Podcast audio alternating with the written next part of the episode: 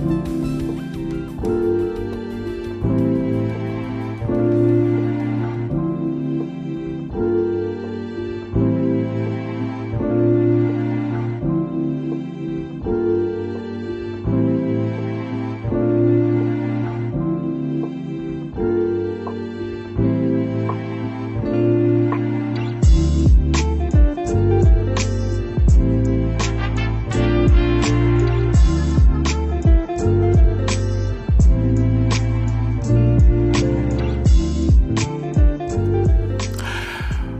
Dobro jutro spet. Z prvega, zdaj pa pravzaprav prvič v letu 2023 čisto prava epizoda prvakov tedna. Naš gost pa je prvi slovenski doktor lutkarstva, glasbenik in pravličar Matija Sulce.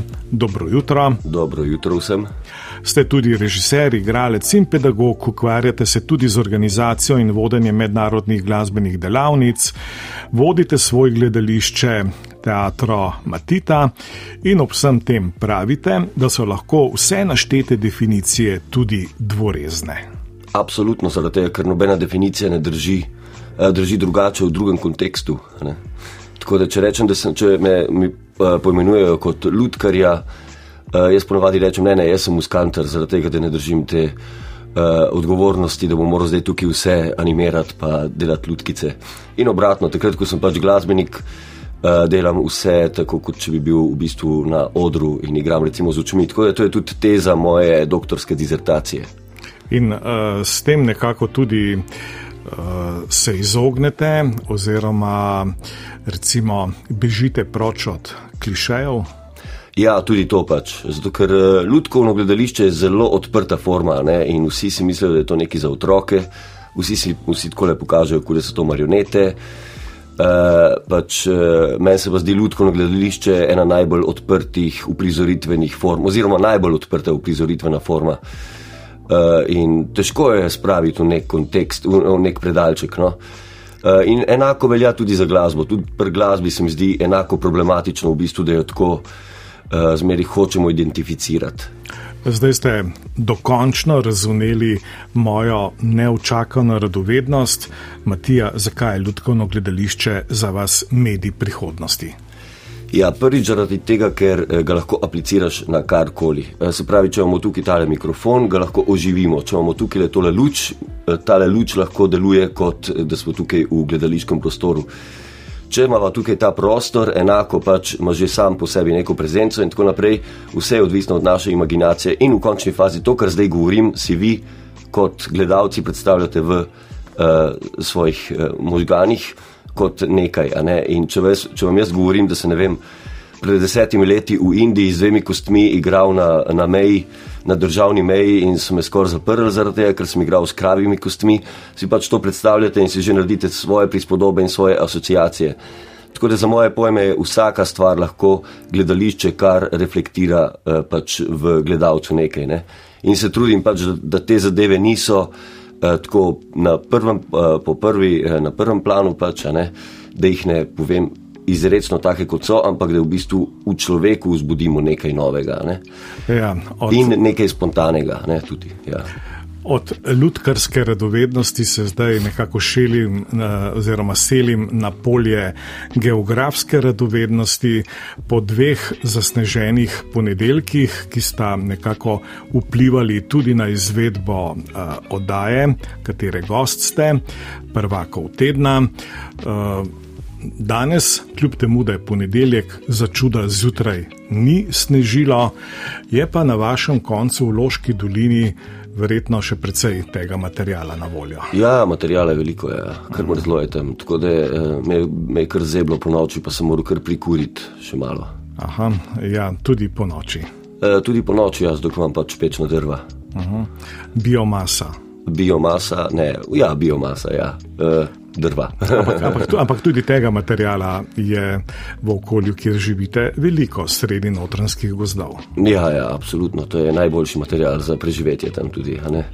Tako da pač eh, drva dobimo, seveda, od sosedov, pa tudi veliko drugih dobrin, recimo krompir, v končni fazi tudi šnopc.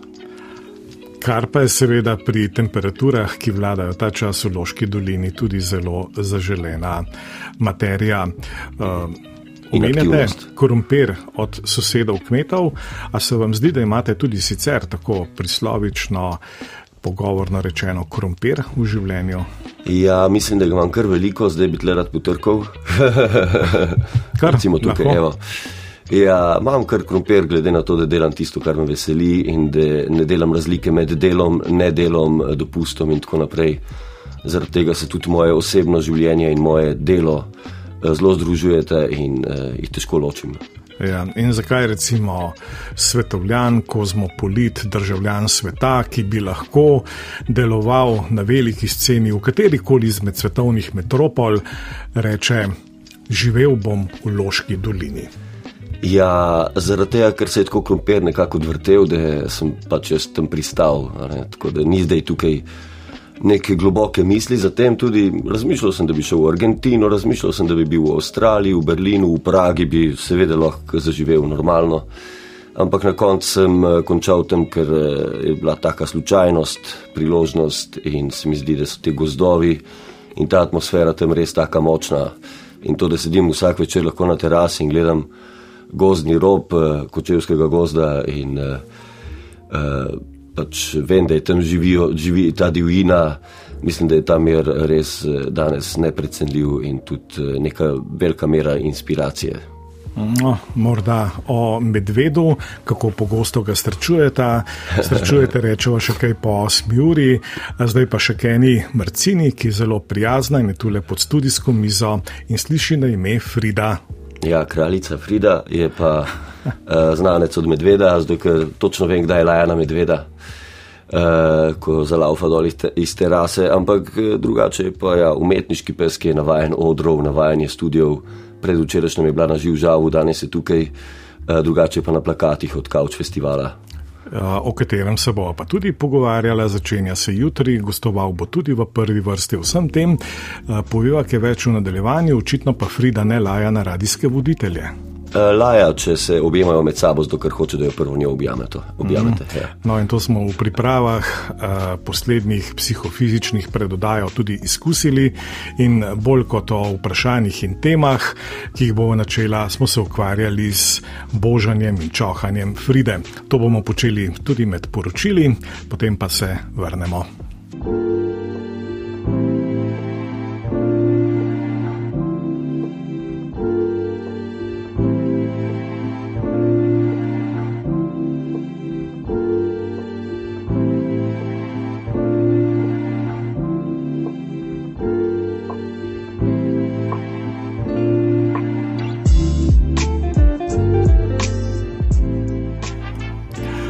Nadaljujemo z današnjo epizodo prvakov tedna. Gost je Matija Srce. Ampak tako močno sem razmišljal o tisti dvoreznosti eh, definicij, o katerih smo govorili, a kljub temu, za vse, ki niso slišali uvoda, bom še enkrat eh, povedal dr. Ludkarstva harmonikar, glasbenik in pravličar, da vsega ostalega niti ne naštevam. In že zjutraj, ko sem vas eh, nekako napovedoval kot gosta, sem dejal, da bi si zaslužili, če bi bili zaposleni v slovenski javni upravi, kar velik dodatek za vašo večjo pravilnost. Aha, ja, mogoče. Ja, če delaš stvari eh, prostovoljno in pač iz srca oziroma če ja, je to moje poslanstvo, tudi moje delo, potem uh, ja, je človek angažiran 24 ur na dan, pa ne razmišlja o tem, zakaj. Pravzaprav eh, presenetilo me je to, vem, da ste študirali ljudkarstvo v Pragi, ampak do priprave na ta pogovor pa nisem vedel, da ste pravzaprav ljudke in svet ljudkarstva spoznali v Neaplju, kjer vas je ljudkarska legenda Bruno Leone nekako uvedel v ta svet. Ja, nekako upeljal. Jaz spet sem pristal pač v Napoliju, ne da bi vedel, kako in zakaj, ampak eh, eh moji starši so bili lutkari in tudi zaradi tega, zaradi teh poznanstev, sem potem šele pri 21. se začel s tem ukvarjati. Tako da sem pač najprej študiral geografijo, pedagoško, potem pa pristal v Napoliju in tam začel in s Pulčinelo ki je tak uh, lik anarhističen, ki ga bom tudi, ki ga še vedno uporabljam, še vedno živi uh, na mojih prstih in uh, še vedno na vsaki predstavi pove kakšno drugo resnico, ki si jo drugače človek sam ne bi upal povedati. A drži, da se ljudko učimo kot igranja glasbenega instrumenta? Odvisno, kaj si mislimo, kaj si predstavljamo pod, ljudke, eh, pod ljudkami. Eh, za me je to tako, tega, ker eh, za me so, je umetnost podlaga za vsako uprizoritveno oziroma drugo umetnost, glasba. In tudi jaz, ko učim na Damuju, na akademiji, ponavadi začnem z glasbo, tega, da se študenti navadijo ritma. In ko obvladaš ritem, obvladaš situacijo, obvladaš humor, obvladaš večplastnost in obvladaš tudi estetiko. Tako da, eh, čim, eh, čim delaš stvari v ritmu, ni tako pomembno, o čem govoriš, ampak na kakšen način to sporočilo predajaš. In tudi igravci bi se morali učiti gledališča od ljudk.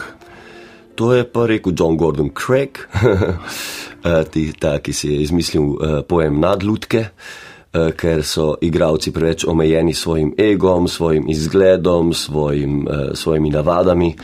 Jih je treba najprej eh, nekako objektivizirati in to je tudi moja tema. In pri ljudkah je dosto, dosti bolj enostavno, ker karkoli primaš v roko, postane nek drug karakter. Pri igravcih je pa to teže, zato ker vedno vidiš igravca za tem karakterjem, za to postavo, ki jo mora prezentirati.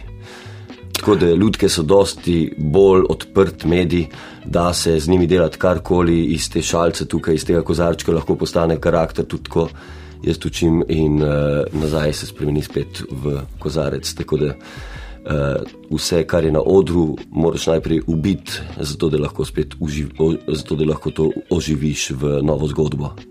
Kako pa gledalci sprejemajo, ko jim pripovedujete o smrti? Uh, ko se pogovarjajo o smrti, sprejemajo zelo spoštljivo to smrt, zato ker se z njimi pogovarja smrt? Uh, ne pa jaz. In tudi, ko se z njimi pogovarja kakšna druga ljudka, sprejemajo, kot je to govori ta ljudka. Uh, drugače pa z ljudkami je dosti bolj enostavno te zadeve razlagati.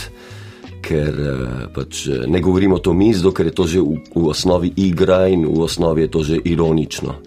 In ironija se mi zdi, da tudi manjka v današnjem gledališču. Preveč resno se jemljemo, gledališčniki. Uh, in smrt je tudi nekaj, kar je normalno, kar je življensko in kar bi morali spoznati otroci že.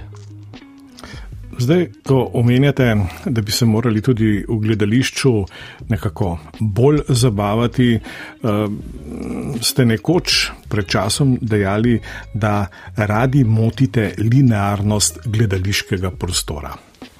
Ja, ni mi všeč, če so stvari na pladnju, ni mi všeč, če rečemo, joj, kako sem utrujen ali pa karkoli tazga. Ne? To mi gre res na živce. na živce mi gre, ko gledam otroške predstave, ko, ko vidim, da je ta naivnost prisotna. Ne, ne, jaz sem rad sarkastičen, ironičen in rad vidim uh, stvari, rad uh, predstavljam stvari pač na več nivojih hkrati. Uh, in tudi zaradi tega so ljudje fajn, ker uh, vidijo, da je za njimi igralec, živ človek, ne, ki jih animira. Ampak v končni fazi uh, jaz lahko animiram samo s pogledom, sem tako, da se zazrem v daljavo, pa se že publika obrne okoli. In tudi to, da se publika zaveda same sebe, to se mi zdi pomembno. Tudi publika mora biti vključena, tudi oni morajo biti del odra. In uh, tudi vsaka predstava mora biti poseben dogodek. Ampak zanimivo je to, da se je ljudkarstvo nekako dodelilo pozicijo umetnosti za otroke. Taka precej varna pozicija, ki ljudkarstvu daje neko družbeno funkcijo, a ga hkrati degradira. To ni res, da ga degradira, če je za otroke. Degradira ga, če je samo za otroke in če je narejeno na naiven način. In to je to, kar me mene moti. Mislim, mene je zelo všeč za otroke delati. V bistvu, dosti bolj raje delam za otroke, zato ker niso tako stereotipizirani kot odrasli ponavadi in so dost, imajo dosti bolj odprto domišljijo kot odrasli in tudi zaradi tega se lahko dosti bolj, uh, dosti, lahko, dosti več obvozov, lahko, obvodov in obvozov lahko naredim med samo predstavo. Uh, drugače pa ja, se je to zgodilo pred približno 70 leti. In od takrat naprej si ljudje govorijo, da je to cela večnost in da ljudke ne morejo biti za odrasle, kar je to kar je res neumno, zaradi tega, ker medij, v katerem lahko uporabljaš ples, videoprojekcije, igravca, ljudko, objekte in besedo in glasbo, to je v bistvu multimedijalni medij. Ki ga ne moreš definirati kot ljudsko gledališče, zato bi ga jaz kar uh, redefiniral rad kot uh, gledališče iluzivnih točk, kar je pa malo preveč komplicirano spet. Morda pa res. Koliko improvizacije zahteva ljudkarstvo in hkrati koliko improvizacije prenese ljudkarstvo? Ja, v mojih predstavah imam uh, dano kompozicijo, tako kot pri glasbi, in dano improvizacijo. Tako da recimo, kakšni deli so zelo jasno dani in zelo ritmizirani in zelo v bistvu kompleksni, drugi deli imam pa v drugih delih si pa dam svobodo, da navežem stik z gledalcem in da pove tudi kakšno odkljud, recimo panda, uh, kakšno življensko, uh, življensko modrost, ki je mogoče kdaj kar kočljiva in kdaj tudi jaz včasih zrdim med predstavo, zato ker mi je rata nerodno. Zdaj ste me spomnili, da vas moram vprašati, kaj počne panda Fergus Walker. Panda, panda Fergus Walker leži v kufru pri kavču, na katerem jaz prebivam te dni. Dobro. In je uh, vlogo uh, spremljevalca prepustila Fridi. Uh, prepustil Fridi, ja, ponavadi imam s sabo večkrat Frido, kot pa Pando, zato ker uh, panda, panda ne prije vedno upoštev, Frida pa vedno zažge. In odpira vsa vrata. Točno tako je. Ja. Tudi radijskega studia. In tudi RTV studia. Kdo bi si mislil? Ampak. Uh, Zdaj, če gremo nazaj še za trenutek k uh, ljudkarstvu, uh, še nekaj sem v enem izmed vaših zapisov uh, prebral, namreč, da pri ljudkarstvu ustvarjate nekakšen medprostor, pa me zanima, kaj to pomeni. Aha, hm, ne vem, kaj sem mislil v tisti trenutek, ampak mogoče sem pa mislil glih to, ravno to, da iz. Uh, Uh, vem, da uh, iz enega jajca naredim oko za losa, tako kot tukaj kažem, in pa to spet jajce. In da na ta način, ko zadeve kažem na nek drug način, ljudje začnejo drugače razmišljati in drugače dojemati in drugače fokusirati svoje vedenje in svoje, pač ja, svoj fokus. Tako da po moje gre bolj za to, da ja, z ljudkami kot simboli lahko prikažemo nekaj dosti močneje kot pa z besedo, z opisom. Matija Sulce, pomembno vprašanje. Kje ste doma? V Pragi, v Loški dolini, na Švedskem, na Tasmaniji, v Hrvatinih? A ja, zdaj sem že doma kar v Loški dolini, ja, kar v Gozarčah, zraven grad, gradu Snežnik in tam s Frido vsak dan pohajkujeva. Ampak pravite, življenje ni programirano in ne izključujete ničesar, tudi tega, da si nekoč kupite ladjo in boste pluli po švedskem morju. Ne izključujem tega, da se to zgodi jutri. Ja. Švedsko morje, ja, ja, to tudi. Ja. Imel sem tudi eh, zadnjič, ko sem bil na švedskem pred kakšne pol leta, eh, možnost za 10 tisoč evrov kupiti ladjo, ampak eh, potem, potem sem iskal eh, parkirišče v Sloveniji in je bilo v bistvu parkirišče draže od ladje same. Da, eh, potem ni to prišlo skozi, ampak imam pa tudi prijatelje, recimo v Punta Arenas, ki izdelujejo ladje za, za dost poceni, tako za kakšnih 50 tisoč evrov se da zrihtati kar dobro, dobro dnevno sobo, dobro hišo na morju. In mislim, da je to prava svoboda. Tudi poznam par prijateljev, ki tako živijo. Ampak, Matija, ne sme se zgoditi jutri, kaj bo potem s Kauč festivalom? Mislim, da se bo vse speljalo. Jaz sem to že razmišljal prejšnji teden, ko sem zbolel, sem rekel, ali mi bo ratalo ali mi ne bo. Ampak ja, bo bo uspelo. Mislim, da se ljudje znajdejo sploh takrat, ko vidijo, da se odgovornost uh, naenkrat uh, malo spremeni in da je na njihovi strani. Uh, in tudi Couch Festival je tak sistem, ki je v bistvu digitalen. Mi, smo, mi samo postavimo platformo in vsi gostitelji, ki gostijo umetnike, postanejo organizatori. Tako da mi, mi imamo tukaj okrog 130 soorganizatorjev Couch Festivala. Toliko je namreč dnevnih sob, uh, hiš, uh, garaž, galerij, ateljejev, fotostudijev, avtobusov, kjer se bodo ta teden od danes naprej odvijali dogodki, 190 dogodkov. In tudi radijski studio je prizorišče Couch Festivala. Tako je, jutri prva vrsta, radijski studio, prizorišče uh, enega koncerta, kjer boste nastopili Hanna James in Klaudija Schwab, odlični glasbenici. Ja, seveda, odr Couch Festivala lahko kjerkoli, kot ste dejali, v dnevni sobi, kuhinji, kleti, hlevu ali na vrtu in v studiu 26. Upam. Ja, iz režije pravijo studio 26. Ja. Ker lahko bi bila tudi samo polovička studia 26, studio 13, ampak je studio 26. In kar je seveda pomembno, tokrat lahko tudi poslušalke in poslušalci postanejo del Couch festivala, del prve vrste lahko se predhodno prijavijo in jutri, točno opoldne, pridajo v studio 26. V tem primeru se jim ni treba več prijaviti, zato ker živejo, kje to bo. Ja, ker uh, sistem Kauč festivala je, pardon, da vas prekinjam, glih ravno ta, da naslov ni znan, dokler ne rezerviraš karte, ki je brezplačna. Ja, je pa zdaj nas znan naslov skladbe, ki jo bomo poslušali, Trio Katastrofa, uh -huh. ki je živel, delal in zdaj spet deluje s polno paro. Uh, spet pride in bomo nastopili v Kino Šiški ta petek, tako da uh, katastrofa se vrača, ljudje, bodite pripravljeni. Naslednje tri minute, katastrofa na prvem.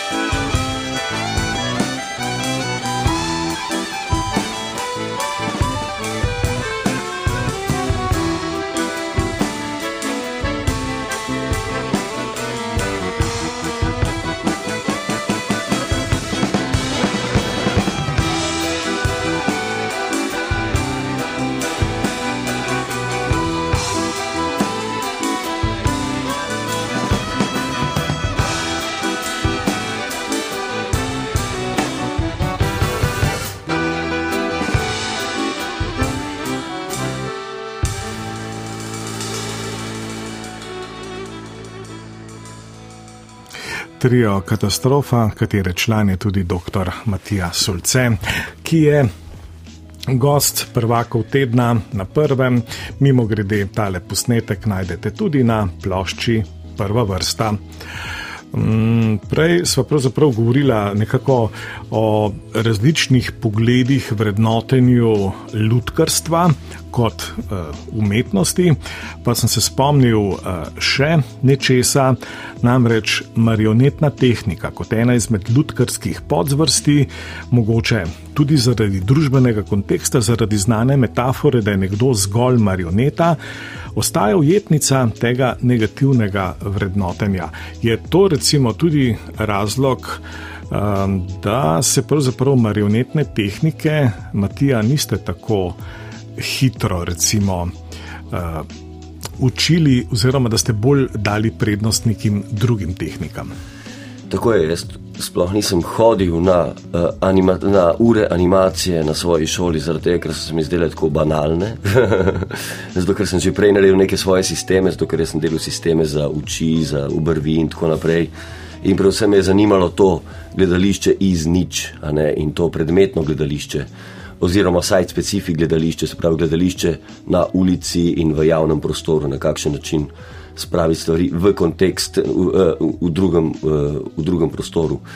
Uh, tako da, ja, ta uh, marioneta je v zadnji predstavi moj uh, Don Quixote, uh, tudi zaradi tega, ker drži to simbolno vrednost, da je nekdo kot marioneta in se na koncu, seveda, osvobodi. In, uh, ja, to je pri tem, v bistvu, sim, v bistvu ta simbolni pomen se tako drži, da uh, vsi jo tako malo poetiziramo, se mi zdi.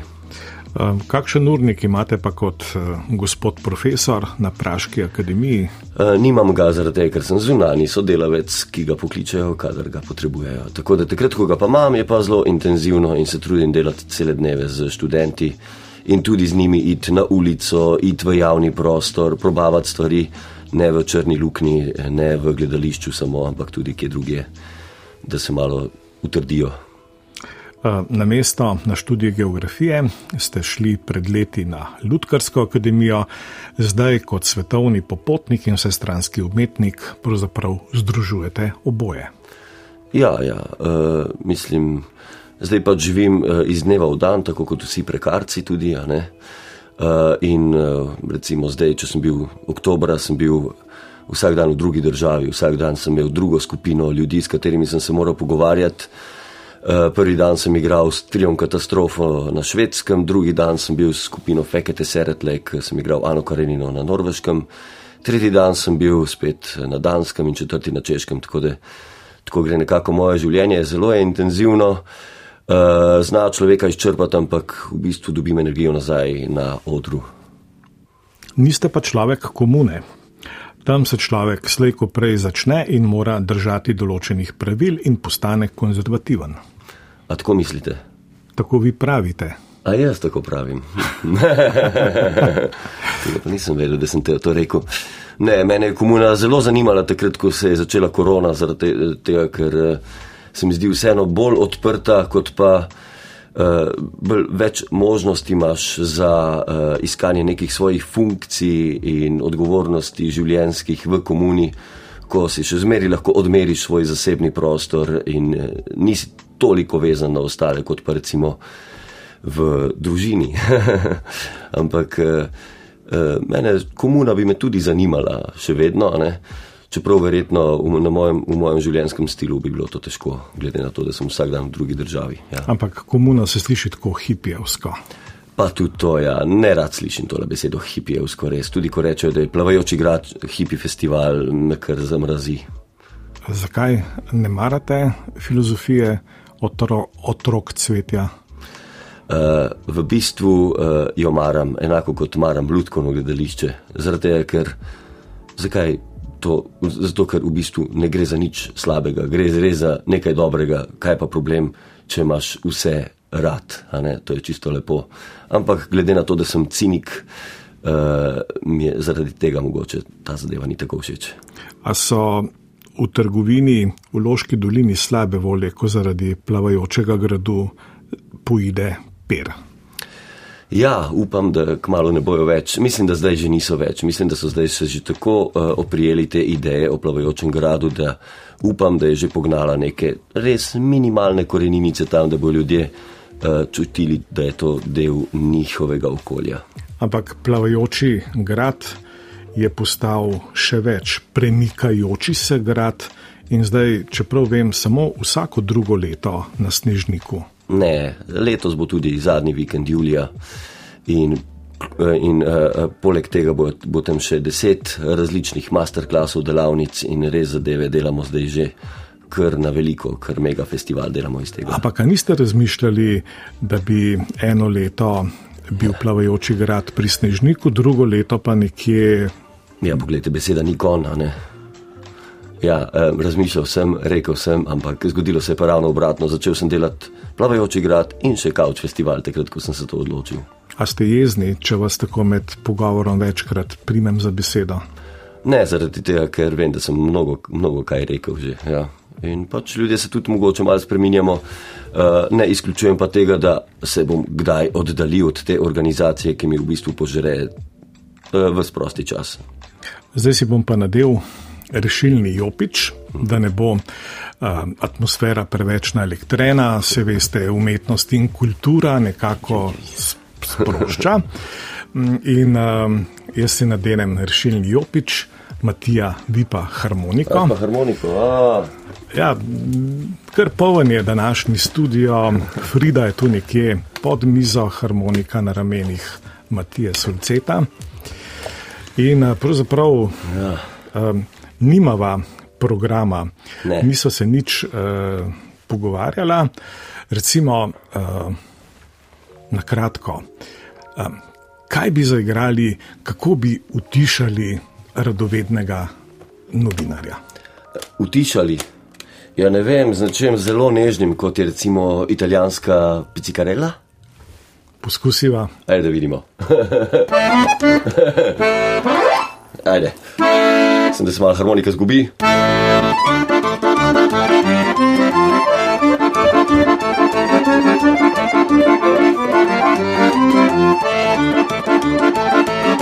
La chiama mano bocca di rosa, metteva l'amore, metteva l'amore, la chiama mano bocca di rosa, metteva l'amore, sembra una cosa. Appena sceso dalla stazione del paesino di Santinaria, tutti si ascoltano con uno sguardo corretto da tavola di un missionario. C'è che l'amore lo fa per noi, e chi se lo celebra come ce l'è, bocca di rosa nell'uno e nell'altro, e lo faceva per pa... Oh, oh, oh, oh.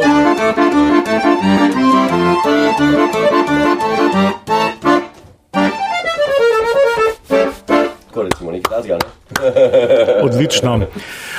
To je bilo utišanje, ampak zaradi svojih službenih obveznosti moram spet in spet govoriti. Matija, da ne pozabiva, iščete kandidate za podoknico. Tako je. Naročila sprejemate? Sprejemamo naročila na telefonsko številko, samo da jo najdem, ne najdem je, ampak da veste, zakaj se gre. Gre se za podoknice Halo Muska, ki je samo en mini del Couch festivala. Eh, z našim gasilskim avtom se eh, vozimo okoli, eh, na našem Facebooku in na naši spletni strani couchfestival.si najdete številko telefonsko od Laure, ki je dobro znana tudi iz zasedbe Zajtrk in vam pride ena od mednarodnih 120 skupin za igrati pod oknico vsak dan od danes naprej, recimo do sobote. Na gasilskem avtu je ozvočenje, notri je kavč, notri je čaj, zgor je tudi plesni pod za plesalko, ki bo danes plesala na, na Krekovem trgu na gasilskem avtu, to je Hanna James, recimo prvakinja v Clock Danceu svetovna. Take, take kadre imamo. Hmm. Impresivno, uh, Matija, ampak tudi uh, Couch Festival je nek premikajoči se projekt.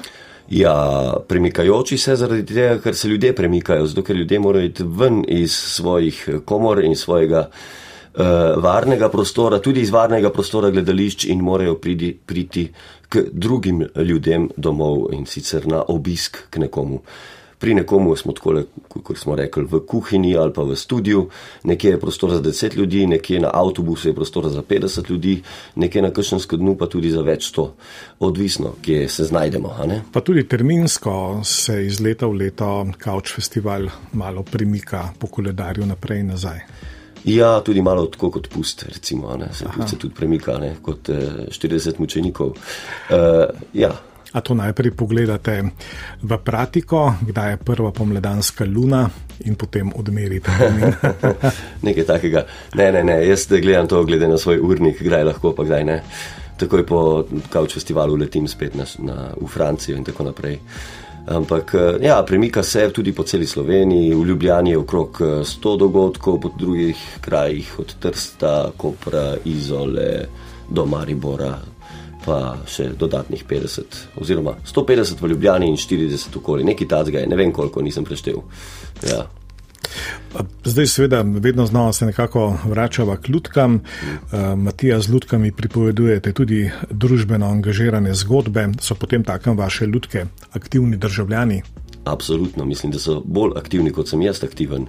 Jaz sem aktiven, ker sem samo koordinator, eh, ljudke so pa tiste, ki stvari govorijo in tiste, ki se izražajo in tiste, ki so ostre in tiste, ki so kritične. In mislim, da tega danes manjka, da se ljudje zelo hitro tudi užalimo, zato ker ne razumemo prvič ironije, eh, drugič pa zaradi tega, ker mogoče živimo v, takem, v taki vati, v času vate. Uh, protestival pred desetletjem se je odvijal. Menite, da bo še kdaj uživel, živel drugo, tretje življenje? Vse ga živi, zdaj je super, zaradi tega, ker jaz nisem utegnil med eh, korono se lotiti protestov in je to odlično prevzel moj oče in tudi Jaša in tudi ostali in so začeli zadeve delati mal na drugačen način, mal z drugo miselnostjo, ampak eh, meni se zdi, da je protestival vsak dogodek, vsak dan, vsaka, vsak nastop. Uh, in da bi vsak umetnik moral v bistvu biti angažiran. Umetnost bi nujno morala biti kritična, ne pa tista, ki gledalca boža morala biti, biti tista, ki gledalca brca. Pa tudi sicer, a smo slovenci uporniki?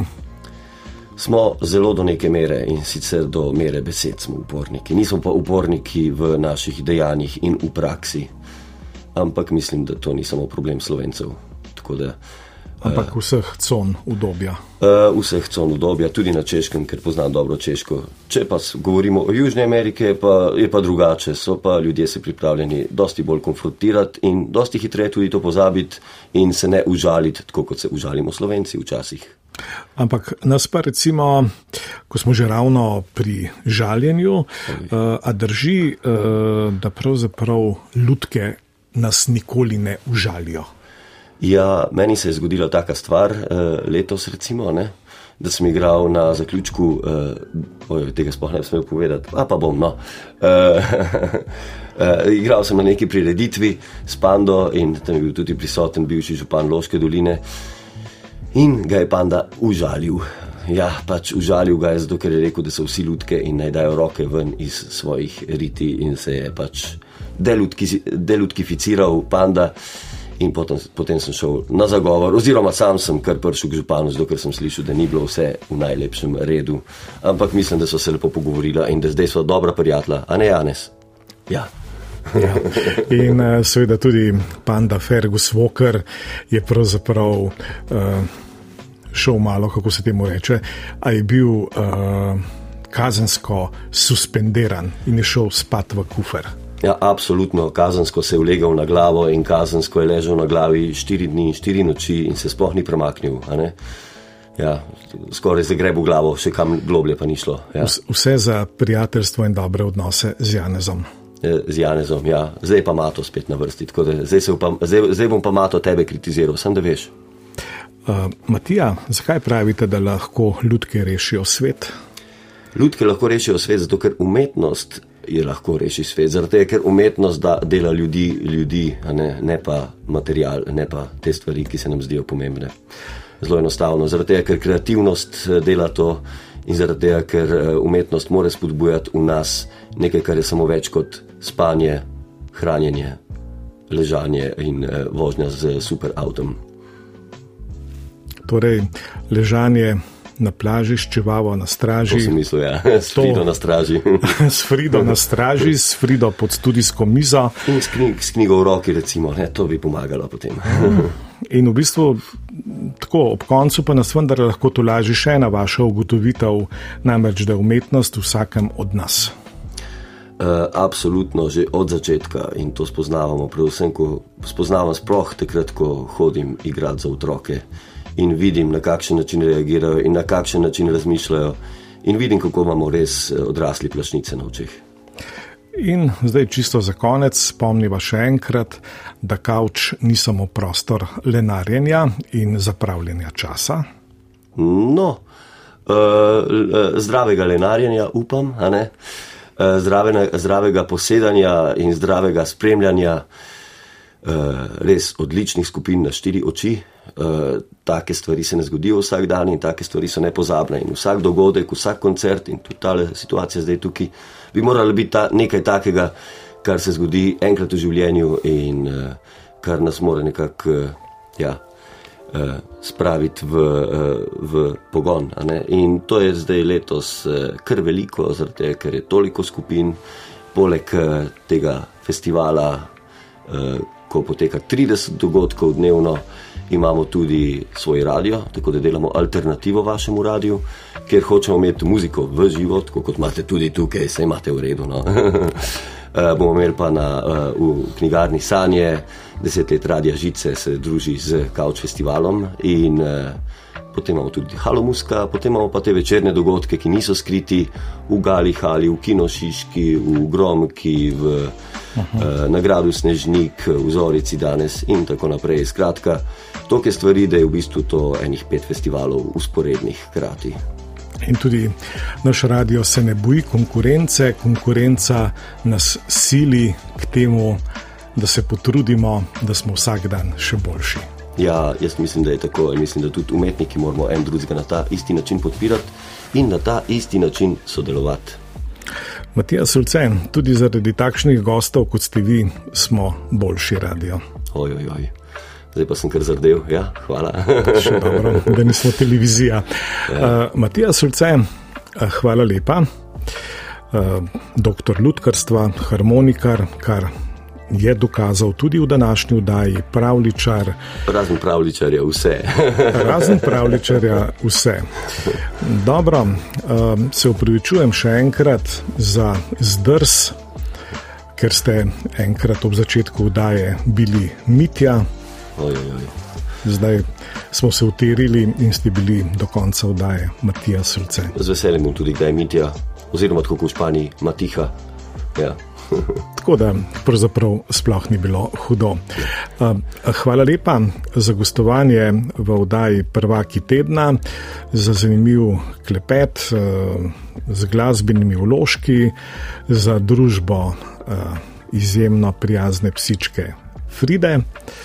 In uh, za začetek uh, uspešno izvedbo Couch festivala, tudi z medijskim partnerjem, prvim programom, potem pa uspešna popotovanja po svetu, ne na zadnje, če koga vas lahko definiramo za državljana sveta. Ja, hvala lepa, hvala vam za povabilo ne? in hvala, da sem lahko tukaj tudi prinesel nekaj tega samo. Srečno. Srečno.